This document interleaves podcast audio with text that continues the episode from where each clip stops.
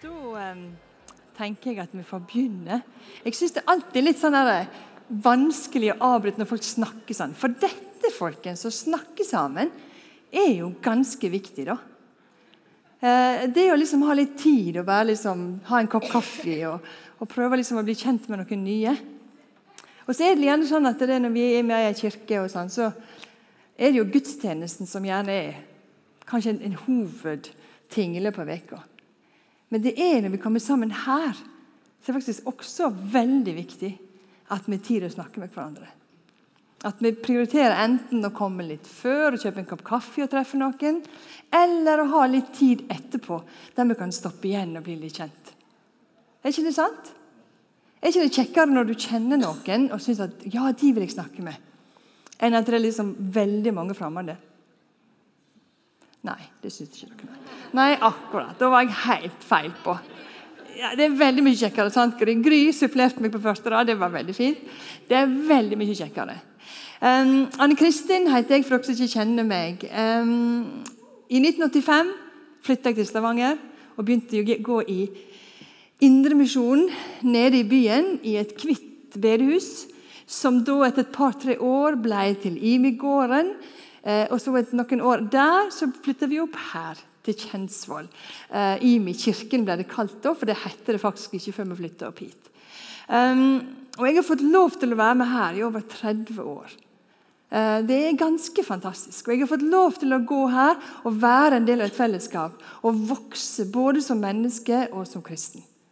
Det står en lang plakat i forhold til det med teleios. Det er et kurs som faktisk hjelper meg å vokse som kristen. Hjelper meg å vokse som menneske òg. Og ta mine følelser på alvor. Jeg har fått lov til å gå til veiledning her og tatt ting som har vært utfordrende i mitt liv, og snakket om det jeg blir bedt for. Folkens, i denne menigheten tar vi vare på hele kroppen. og Det indre og det ytre. Og Det må dere bare gjøre dere nytte av. Sant? Det går an. Og det som er ganske fantastisk, at det er nesten helt gratis. Nesten helt gratis. Og Av og til tenker vi hvis det er gratis, er ikke det så bra, men dette her er kjempebra. Det er veldig bra. Og Det handler om at det, vi, som, vi, som, tror på Jesus, og vi som tenker at det, 'jeg har Jesus med meg', vi ønsker jo også både å leve hele liv, og så ønsker vi å ha innflytelse i vårt samfunn. Sånn som Rune og Elisabeth veldig fint, det sufflerer på første rad her, Elisabeth snakker om. Sant? På hvilken måte skal vi leve våre liv slik at samfunn blir forandra? Nabolag blir forandra, arbeidsplasser blir forandra. Der vi er, at det, det, blir forandring fordi at Guds rikes verdier og Gud som lever gjennom oss som tror, får lov til å prege det som er rundt oss. Og Det var noe av det Daniel, noe av det Daniel faktisk levde midt i. Daniel han, eh, han eh, var en fantastisk eh, han, han, ble faktisk en statsleder. Faktisk var han jeg prøvde å studere litt av Daniel, han var faktisk statsminister i 70 år. 70 år! Wow, ja, det kan du godt si. Det er ganske fantastisk i et land under en ganske lite demokratisk konge. vil jeg si da. Men han levde i trua på sin Gud og på en måte brukte de, det, det han hadde. Um, gav, Gud ga han da en plattform til å kunne øve innflytelse.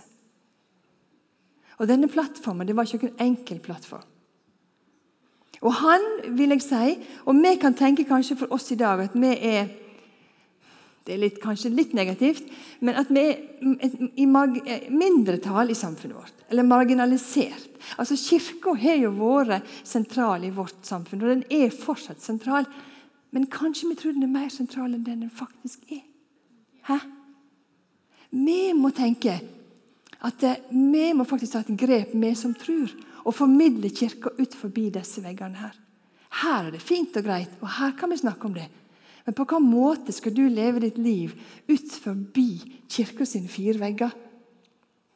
Hva slags innflytelse tenker du at det at du tror på Jesus, det at han er i deg, at han er eh, han er det lyset som lyser gjennom deg. På hvilken måte skal det ha konsekvenser for det livet som du lever der du er? Hæ? For dette, Vi snakker om Kirka i dag, men hvem er Kirka i dag? Vi. Vi. Jeg. Du. Det er ikke et kirkebygg. Det er ikke liksom en plass der vi samles. Men kirka, det er vi som sitter her, som har tatt imot Jesus og tror på Jesus. Og Har ikke du tatt imot Jesus, så har du noe godt i vente. Dette er faktisk sant. Og vi kan ikke på en måte si at det er de andre, det er den, det er de som er naboen. For Gud har kalt deg, og Gud har kalt meg. Det står i Matteus 5, 13, vi, Dere er saltet på jorda, men mister saltet sin kraft. Hvordan kan du bli salt igjen? Da duger ikke det lenger. Sant? Og så er det videre Det er lyset i verden. Så jeg, ikke bare det, men jeg er lyset i verden. Vi er lyset i verden. Sant? Da må ikke vi gjemme det lyset, folkens. Vi må tørre å tenke vet du hva? det lyset skal skinne. Og Slik at alle folk skal kunne se de gode gjerningene, står det i samme, i samme eh, kapittel. Og skal de prise Far deres i himmelen. Um, vi har jo, Dette med godhet er jo for så vidt en, en ting her i menigheten. da. Det vet dere jo. Godhet. Og Der sitter godhetsgeneral Norun på andre benk, tredje benk, fjerde benk her borte. Um, men det var ganske interessant. Det kan være litt vanskelig tenker jeg, å gå fra en godhetsgjerning til å faktisk fortelle om at det er Jesus som bor i oss. Så jeg hører en ganske, eh, en som sa det at ja, jeg er ganske snill jeg er ganske god, jeg stiller opp i grunnen hele tida. Om det så var naboen spør meg om jeg kan kjøre han til flyplassen midt på natta, så gjør jeg jo faktisk det. Men det er ikke så enkelt å komme med et profetisk ord liksom, til denne naboen. da. Det er ikke fullt så enkelt å fortelle at jeg gjør det fordi Jesus bor i meg. Det er ganske utfordrende. Så samtidig så er det utfordrende å si ord, men samtidig så er det en befrielse da, at jeg vet at når jeg sitter på bussen eller er på butikken, så lyser Jesus gjennom meg. Amen. Hæ? Det gjør det jo ganske sånn åh, Hjelp! Da kan vi faktisk litt tro på om vi skal være med og forandre innflytelse. Fordi Gud er i oss.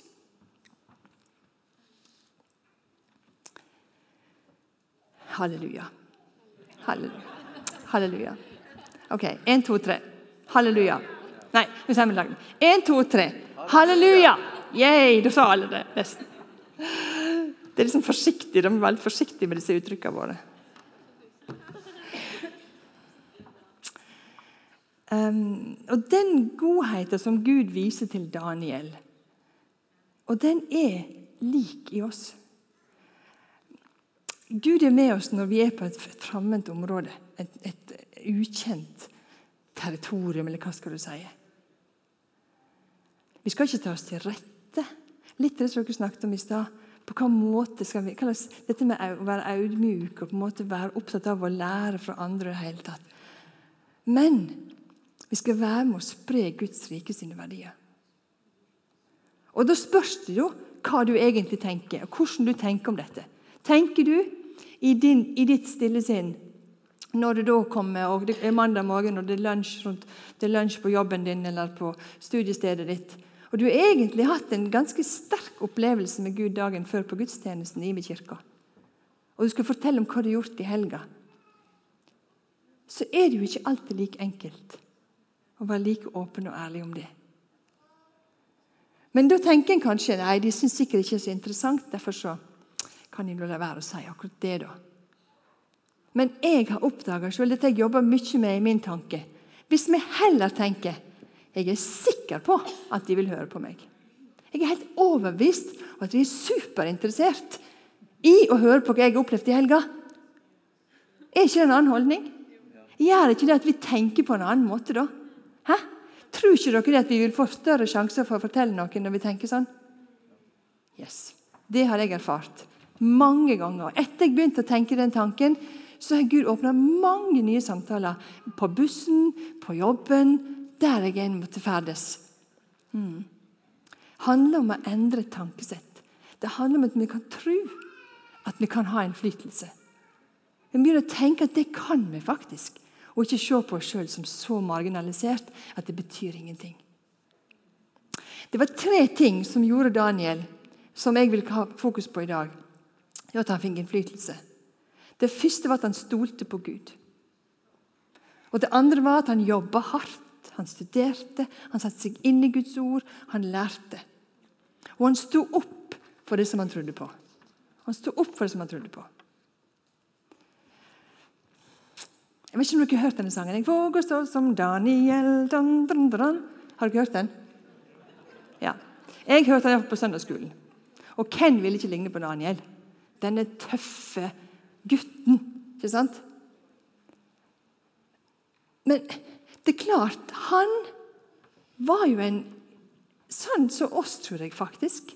Han var jo ganske redd også når han fikk et syn og han fikk en profeti og han fikk noe han skulle dele med, noe han skulle dele med, med denne kongen, som han da var til fange under.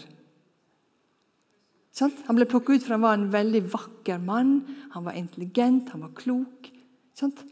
Men han var ganske redd også. For hva er ikke vi redde for autoriteter og andre som har makt over oss? Vi er jo det. Det er jo helt naturlig. Men det som skjedde, det var jo det at i, i Daniel så står det um, fra kapittel 2 Så tror jeg skal komme opp på veggen. Skal vi se om vi skal dette her, um, dette her kommer vi inn i en historie. Um, litt før dette her så har da kongen hatt en drøm. Og han har kalt til seg alle sine vise menn og alle sine spåmenn. og alt som er, og Ingen ingen, ingen, ingen kan fortelle denne kongen hva slags drøm han har gjort, hva, han har hørt, hva, han, hva drømmen betyr. Og han er beordra, apropos den der kvelden om drap og diverse andre ting, som vi skal ha her neste uke, han er beordra at alle skal utslettes. Alle spåmenn skal drepes. Um, dette hadde da Daniel fått greie på. Sånn, han fått greie på hva var det og da gikk Daniel. Så gikk Daniel hjem og forklarte saken for vennene sine. Hananya, Meshael og Asarya. At de skulle be Gud i himmelen om å vise barmhjertighet og åpenbare dette mysteriet som da denne drømmen var. Så Daniel og vennene hans ikke skulle gå til grunne sammen med resten av vismennene i Babel. Da ble mysteriet åpenbart for Daniel i et syn om natta. Og da Legg merke til hva Daniel da gjør. Legg merke til hva Daniel først gjør. Han fikk et syn om natta. Det han først gjør, det er å velsigne himmelens Gud. Han tok til ord og sa, 'Velsigne Guds navn fra evighet til evighet, for visdommen og styrken er hans.' Han lar år og tider skifte. Avsetter konger og innsetter konger. Han gir de vise visdom og de forstandige eh, forstand. Han åpenbarer det dype og det skjulte. Han vet hva som er i mørket hos ham. har lyset sin bolig. Han snakker om hva er det han vet hvem Gud er. Han, han, han på en måte løfter fram de, alle de styrkene som Gud har, all det håpet, all det motet som er i Gud. Og deg, min feders Gud, takker og priser jeg, for du har gitt meg visdom og styrke. Nå har du gjort kjent for meg det vi ba om, det kongen vil vite, har du gjort kjent for oss. Sant? Og så vet vi da at Daniel på neste morgen går til kongen og forteller han hva han har sett og hørt, hva det betyr. Og kongen blir helt forskrekka. Men det som er interessant, og som står litt videre i det samme kapittelet Daniel han sier ikke bare at 'jeg kom på dette av meg sjøl, jeg fikk en drøm', men han sier det er Gud i himmelen som har åpenbara mysteriet. Og Det er det som er forskjellen. Han gir ære til Gud. Han tar ikke ære sjøl for at han faktisk hadde en fantastisk drøm, men han gir ære til Gud. Og Det var, det, som, det var et ganske dramatisk budskap. At kongen må ta imot råd og rive deg løs fra syndene dine med rettferd og fra skulda di med miskunn mot de som lider nød. Så skal lykka di vare. Og Daniel han dømmer ikke kongen. Han dømmer ikke kongen fordi han gjør det han har gjort. Og faktisk så betyr navnet Daniel det er Gud som dømmer. Han visste godt Daniel, at det at han gjorde dette, kunne faktisk koste han livet. Han visste det. For det hadde jo kongen trua med. Han var jo truende til det meste denne kongen, tydeligvis. Men likevel så tålte han å gå. Og Det handler kanskje om at det, For det første så var Daniel sammen med vennene sine. Han var ikke alene. Vi ser ofte at vennene hans og Daniel de er sammen to og to, eller de er flere sammen, og de ber Gud om visdom. Det står ikke bare på Daniel, men Daniel og vennene sammen. Og Det har Jesus sagt også til oss i Lukas 10. Der går, hvordan skal vi gå ut, står det blant annet i Lukas 10. To og to står det der. Sant? Det står ikke at du skal gå helt for deg sjøl. For du kan bli ganske usikker på din egen tanke. Men det å få bekrefta av noen andre at en er flere om det, det er noe av poenget. Og det må vi ta med oss herfra. Dette her med Daniel og vennene hans. Daniel og vennene hans. Det var ikke bare Daniel som var en profet, men de var profeter i sammen, disse fire. Som ofte blir snakket om i disse her kapitlene. Og det som, nå er det jo, Jeg kommer jo ikke til å lese så ekstremt masse fra disse Daniels bok, men det, jeg eh, har, vi har lest mellom kapittel 1 og kapittel 4 denne uka. her. Og det er, de, det er der kapitlene. Hvis dere ikke leser, så gå hjem og les litt mer. Og ta det enda mer til dere. For det handler om at de var to og to.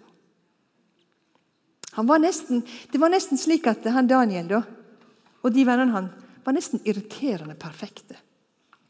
Ja, det var det. De ville ikke spise ved kongens bord, skulle ha sin egen mat, liksom. For eksempel. og de gjorde ting som, som fikk andre til å bli kjempeirritert. De holdt ikke på å miste livet av den grunn. Men det som, det som på en måte redde han, Daniel, det var at han stilte alle disse spørsmålene, alle disse utfordrende stilte han spørsmål til Gud. Og så forventa han svar. Og så delte han det han fikk. Ut med frykt og beven, men også med mot. Vi kan kalle det for profeti. Vi kan kalle det for at Gud taler i dag.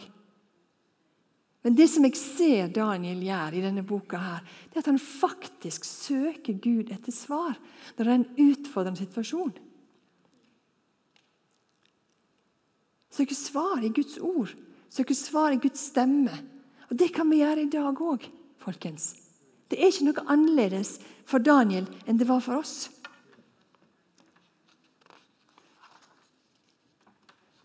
For mange år siden, når, eh, når meg og Steve Altså, Jeg er gift med Steve, hvis dere ikke visste det. Han sitter her. Han som hadde kollekttalen. Veldig flinke. sant? Ja. Mm. Um, for mange år siden så bodde vi i USA. Steve hadde jobba i symfoniorkester i mange år. Og han, skulle, og han hadde tenkt å få seg en annen karriere. Um, og dette var et ganske vanskelig valg for oss. Så var, var vi i ei kirke, og der var det ei av de damene som sa til meg Anne Kristin, du må søke svar i Bibelen. Søke svar i Bibelen. Ja, Hva skal jeg søke svar om, da? At han skal begynne en ny jobb? eller skal jeg? jeg skjønte det slett ikke. Um, og så var vi på vei og skulle um, gå litt til sides, meg og Stiv, og be sammen og i det hele tatt um, snakke om disse tingene her og bli enige. Nå finner vi ikke helbrederne. Men iallfall En av de tingene som, som uh, begge vi hadde tenkt på før vi skulle reise av gårde. Det står i Hebreerne 11. Og der står det Hvis jeg bare finner det nå, da Det er jo litt typisk at den ikke står foran hundrevis av folk, og så finner den ikke den skal i Bibelen sin. Det går fint. Filipperne Hvor står det hen? Hebreerne Oi, oi, oi. Der var det, ja! Fant det til slutt.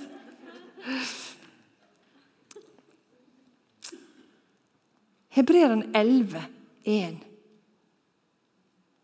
Trua er pantet på det vi håper. Et prov eller et bevis på det vi ikke ser.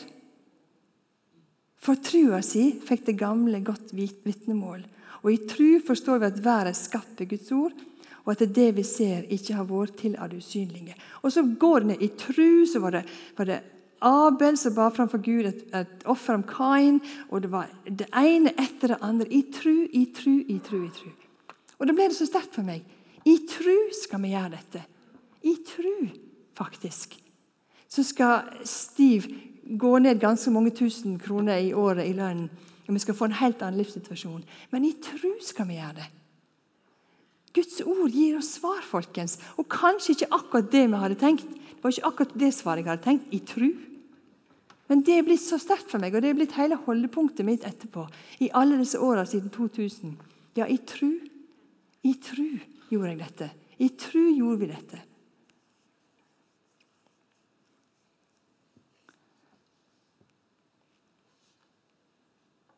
Livet til Daniel var prega av tru.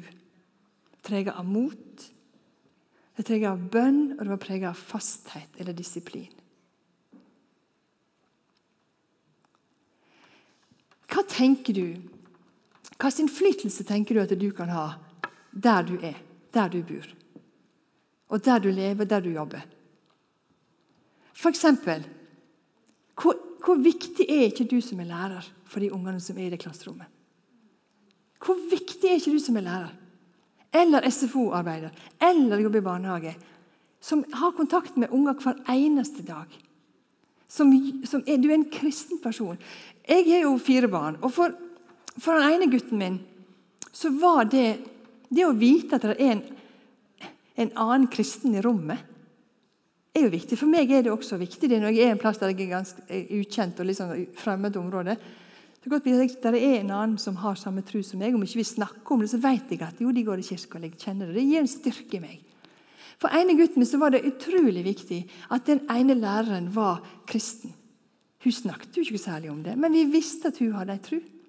Og så var det også andre unger i klassen som vi visste hadde ei tru. Og Det gjorde han så enormt mye sterkere i møte med disse tingene. i forhold til det med tru. Mens en annen av sønnene mine der var læreren aldeles i motstander av det å tru. Hun kunne ikke forstå at det gikk an å tru. Hun sa det forholdsvis tydelig, om ikke akkurat sånn helt direkte. Og han ble så utrygge. Og det var ingen andre elever i klassen som hadde den samme grunn, grunnholdninga som han kom fra. Det skapte en enorm utrygghet. Og det, jeg tenker på det der, eh, Hva innflytelse har ikke vi har ikke dere som er lærere inn i samfunnet? Inn i de der enormt viktige åra for ungene? Eller om du er ingeniør. De ideene du får, de briljante ideene om hvordan skal jeg takle dette grusomt vanskelige tingen. Gud kan faktisk gi deg en idé. Faktisk. Sant? Eller om du er kunstner, eller skribent eller musiker. Om du er barista. Sant? serverer kaffe til folk hver eneste dag. Eller du er kassamedhjelper eller bussjåfør. Eller du er forsker, eller hva som helst. You name it. Vi har mulighet for innflytelse, folkens. Det er ikke noe spørsmål om det engang. Vi er der, og Jesus er i oss. Vi er i samfunnet. Vi kan bety en forskjell. Amen. Hæ? Tro det, og tenk det, og si det til deg sjøl. Det er sant. Jeg er ikke marginalisert. Jeg er ikke liten. Jeg er ikke puslete. Jeg er sterk fordi Guds kraft bor i meg. Og Han som tok, uh, reiste Jesus fra de døde, han bor i meg. Og lyset stråler gjennom meg. Hæ? Er ikke det fantastisk? Det er å ta Gud på alvor. Det er å tenke jeg vil ha innflytelse. Jeg vil være med og bestemme, for vi er salt. Vi er salt. Sant? Og Vi kan jo godt, vi snakker mye om surdeig i, i, eh, i, Bibelen. Jeg er ikke så god greie på det, nødvendigvis, men, for jeg har jo heldigvis hjertet slipper å tenke på den surdeigen. Men bare en liten klump med deig kan være med å spre enormt mye. Det sto at det, eh, tre mål, tre mål mjøl, var det det? 36, 36 liter mjøl på en liten klump. Og det er ganske mye. 36 liter mjøl. Da ble det ganske stort. Det betyr vi har mulighet for innflytelse. Og Guds ord vender aldri tomt tilbake. Det der med å være med å endre en kultur, det der med å faktisk få et profetisk ord til noen på jobben Noen av oss er mye flinkere til å både tenke og be disse tankene. Men minn deg sjøl på det. Ta og Få inn på telefonen din og si vet du hva? jeg skal be Gud om å få noen ord til noen på jobben de neste uka. Minn deg på det. Det kommer ikke av seg sjøl.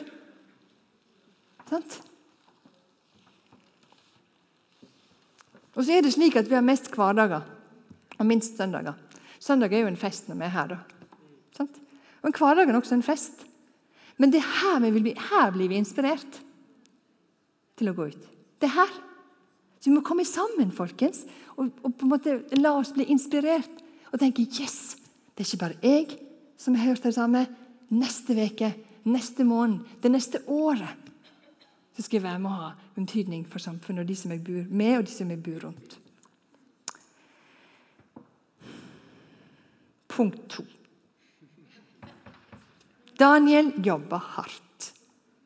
Han lærte seg et nytt språk, han studerte Guds ord.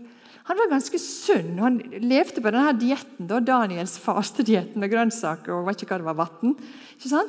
Han var ganske disiplinert. Sant? Men det som, eh, det som Gud gav de fire guttene, står i Daniel 1,17. Vi får det på veggen. Det neste lille bibelverset. Gud ga de fire guttene kunnskap og kyndighet i alle skrifter og all slags visdom. Og Daniel skjønte seg på all slags syner og drømmer.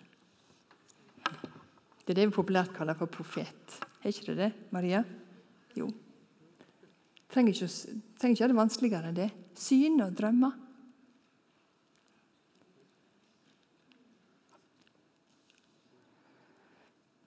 Og, de, og de, de ble, når, når, Daniel og vennene hans som jeg lettere å si det enn det forferdelig vanskelige navnet Daniel og vennene hans eh, Hver gang kongen spurte dem til råds i saker som krefter visdom og forstand, så fant kongen ut at de var ti ganger så kloke som alle de andre drømmetyderne og spåmennene i landet. Hæ? Nå skal ikke jeg gå rundt og være veldig hovmodig da, og tenke at vi er mye klokere enn alle andre. Men det hadde noe med at de søkte Gud, og Gud viste dem hva er det som trengs i samfunnet. Hva er det folk i samfunnet trenger å høre? Denne kongen var ganske urolig og redd og var opptatt av hvordan folk så på han, ikke minst. Sant? Men det handler om at eh, de fikk kunnskap og visdom. Det handler noe om integritet. Det å ha tid til Gud i hverdagen, folkens. Det å sette av tid til å studere, det å sette av tid til å lese, la Guds ord tale til oss, det å sette tid til å være i lovsang, det å finne et tidspunkt på døgnet der du faktisk kan få dette til, det må vi alle gjøre. Det må vi gjøre som sitter her òg. Vi kan ikke tro det kommer av seg sjøl. Det kommer ikke av seg sjøl. Det er så mange andre ting som blokkerer hodet mitt. Jeg har Hodet mitt har vært så fullt i alle mulige ting i det siste. Jeg måtte rydde vekk. Skrelle vekk. Nei, nå må jeg forberede talen til søndag. Du må jo gjøre det sånn. Du må søke Gud. Du må høre på lovsang. Du må gjøre ting. Så kan Gud få tale til deg, så du kan få innflytelse. Men ikke tro det kommer ikke helt av seg sjøl. Kanskje kommer det noen ting som du har lært før. Men det som er ferskt, kommer ofte fortest fram.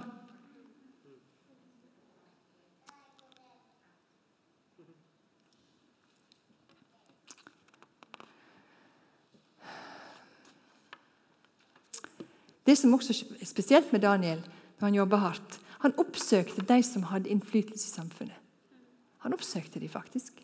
Han gikk til kongen. Og Han gikk til kongen for å ville forhindre at resten av spåmennene og alle andre ble drept. Han hadde omtanke for alle, ikke bare for de som hadde et forhold til Gud. Men han gikk, og så gikk han til autoriteten. Og så fikk han påvirke innenfra. Han var jo i staben, eller tjenerne til kongen, til kong Nebukadneser. Han var jo der. Han var der som avgjørelsene ble tatt.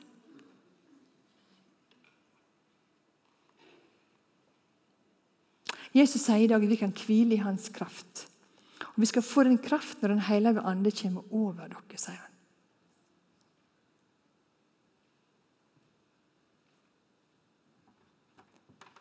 På hvilken måte tenker du? Jeg, jeg, tenker slik veldig ofte. Jeg sitter gjerne i ulike møter og, og ulike og tenker bare Kjære Gud. Oh, hva skal jeg nå si? Eller Kjære Gud, hvor skal dette gå? Gi meg et ord, eller gi meg en retning, eller si noe til meg. Sant? Og ikke sjeldent så overrasker jeg av at plutselig så har jeg sagt noe. Å ja, det var jo interessant. Det tok en ny retning, kanskje, i samtalen. Og det var en som sa at han satt rundt, han satt rundt um, lunsjbordet på jobben. Og De kom inn på dette med religioner. Det er jo bare en pest og en plage. De bare, nei, religion må vi bare kvitte oss med. Vi må ikke ha noe med denne religionen å gjøre. Hadde de begynt å diskutere rundt lunsjbordet. Og Så visste han at det var en annen, en til rundt bordet som, hadde, som var kristen. Og Så så han litt på han, og så ba de sikkert en bønn hver for seg. Jeg vet ikke hva de gjorde. Men så ble denne samtalen rundt lunsjbordet helt endra. Holdningen til å snakke om religion var mer ja, hva, hva, er det, hva er religion kan gi oss? Hva er det trua kan gi oss av verdier? På hvilken måte kan vi være med å ha innflytelse? Så endrer hele samtalen seg. Men det handler om litt mot, da, folkens. Og jeg skal ikke påstå at jeg er så grusomt modig. Jeg er jo ikke det. Sant? Er mer, ingen er mer modige enn noen andre sann i utgangspunktet. Men når vi tar noen steg, så oppdager vi Oi, det holdt jo faktisk. Så kan vi ta et nytt steg. Oi, det gikk jo faktisk. Sant? Det å tørre å utfordre seg sjøl på det Gud har sagt til deg, og tenke at det trenger andre å høre. Det tredje punktet. Daniel sto opp for det som han trodde på. Han styrte i et land som ikke hadde hans religion eller hans ideologi. Men han var med og bygde ei bru mellom de ulike eh, folka og fra over mot sitt eget folk, Israelsfolket. Han tilba Gud, Jave, og samtidig var han i det. Og det er klart, Vennene hans ja, de også valgte å stå opp for sin tro. Ehm, det står i kapittel 4, da, eh, vers 16. Disse vennene hans ehm, ville ikke tilby denne her store sånn gullstatue som han hadde fått laget til i kongeriket sitt. Og så skulle alle tilbe til gullstatuen. Statuen. statuen. Gullstatuen. Um, men disse ville ikke. De gjorde det ikke bare, de ville heller gå litt vekk og ikke gjøre det, men så ble de oppdaga. Og det er ganske modig, det som de sier der i vers 16. Vi behøver ikke, og Så spør han hvorfor, ikke kan, hvorfor kan ikke dere tilbe denne guden. da? Så sier han vi behøver ikke svare deg på dette, sier de til kongen. Og den Gud som vi dyrker, kan berge oss fra ovnen med flammende ild, og fra din hånd, konge. Så vil han berge oss. Og om han ikke gjør det, skal du vite, konge, at vi likevel ikke vil dyrke din Gud og ikke tilbe gullstatuen som du har reist. Sant? Grusomt modig. Vi vet hva som skjedde. Det kom en fjerde person og var sammen med dem, slik at de ikke ble brent opp. Men det visste ikke disse vennene. De tålte faktisk å gå i elden. Og det er klart, vi vil ikke nødvendigvis måtte gå i elden sånn, altså fysisk sett. Men vi, må, vi kan oppleve at vi virkelig blir eh, utfordra. At vi på en måte blir bedt om å ikke Ja, hvis ikke vi vil tilby det som er vår tids Gud. Hva er vår tids Gud? Er det kapitalismen? Er det egoismen?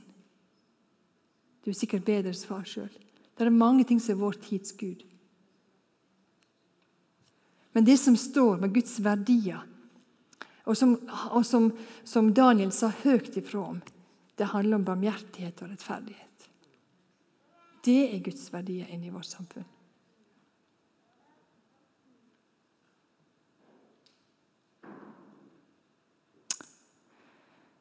Daniel er en rollemodell som jeg får nesten litt angst av. Skjønner dere? Jeg vet ikke om dere får det, men jeg kjenner at jeg blir litt veldig utfordra av Daniel. Sant? Og Hvordan skal vi som kristne ta ansvar i samfunnet?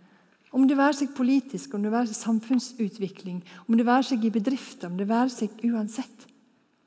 Så jeg vil nok si at Daniel er en rollemodell for oss. Sant? Han stolte på Gud. Han jobba hardt, og han sto opp for det han trodde på. Og han, De tingene som Gud talte til han, de formidla han videre. De tålte han å si, selv om det kanskje ikke var akkurat det han hadde lyst til å si. Han var der for å tjene landet og folket. Og han gjorde det innenfor den lov og ramme som fins. Og så framhever han de kristne verdiene. Dette med barmhjertighet og rettferdighet. Det koster å delta i samfunnsdebatten. Det har vi eksempel på i vår forsamling. Det har vi eksempel på i mange. Det koster å delta. Det koster å stikke seg fram. Men skal vi la være for de om? Skal vi la være? Det som er ganske fantastisk, da, det at eh, Gud gir oss visdom i dag. På samme måte som han ga Daniel visdom og klokskap. Gud gir oss det vi trenger når vi trenger det. Det er helt sant, og det står i Bibelen òg. Og Jeg vil at vi skal helt på slutten nå reise oss, og så skal jeg be bønnen som står i Efeserane 1, 17. Så skal dere ta imot den bønna. Så det er avslutninga på min tale.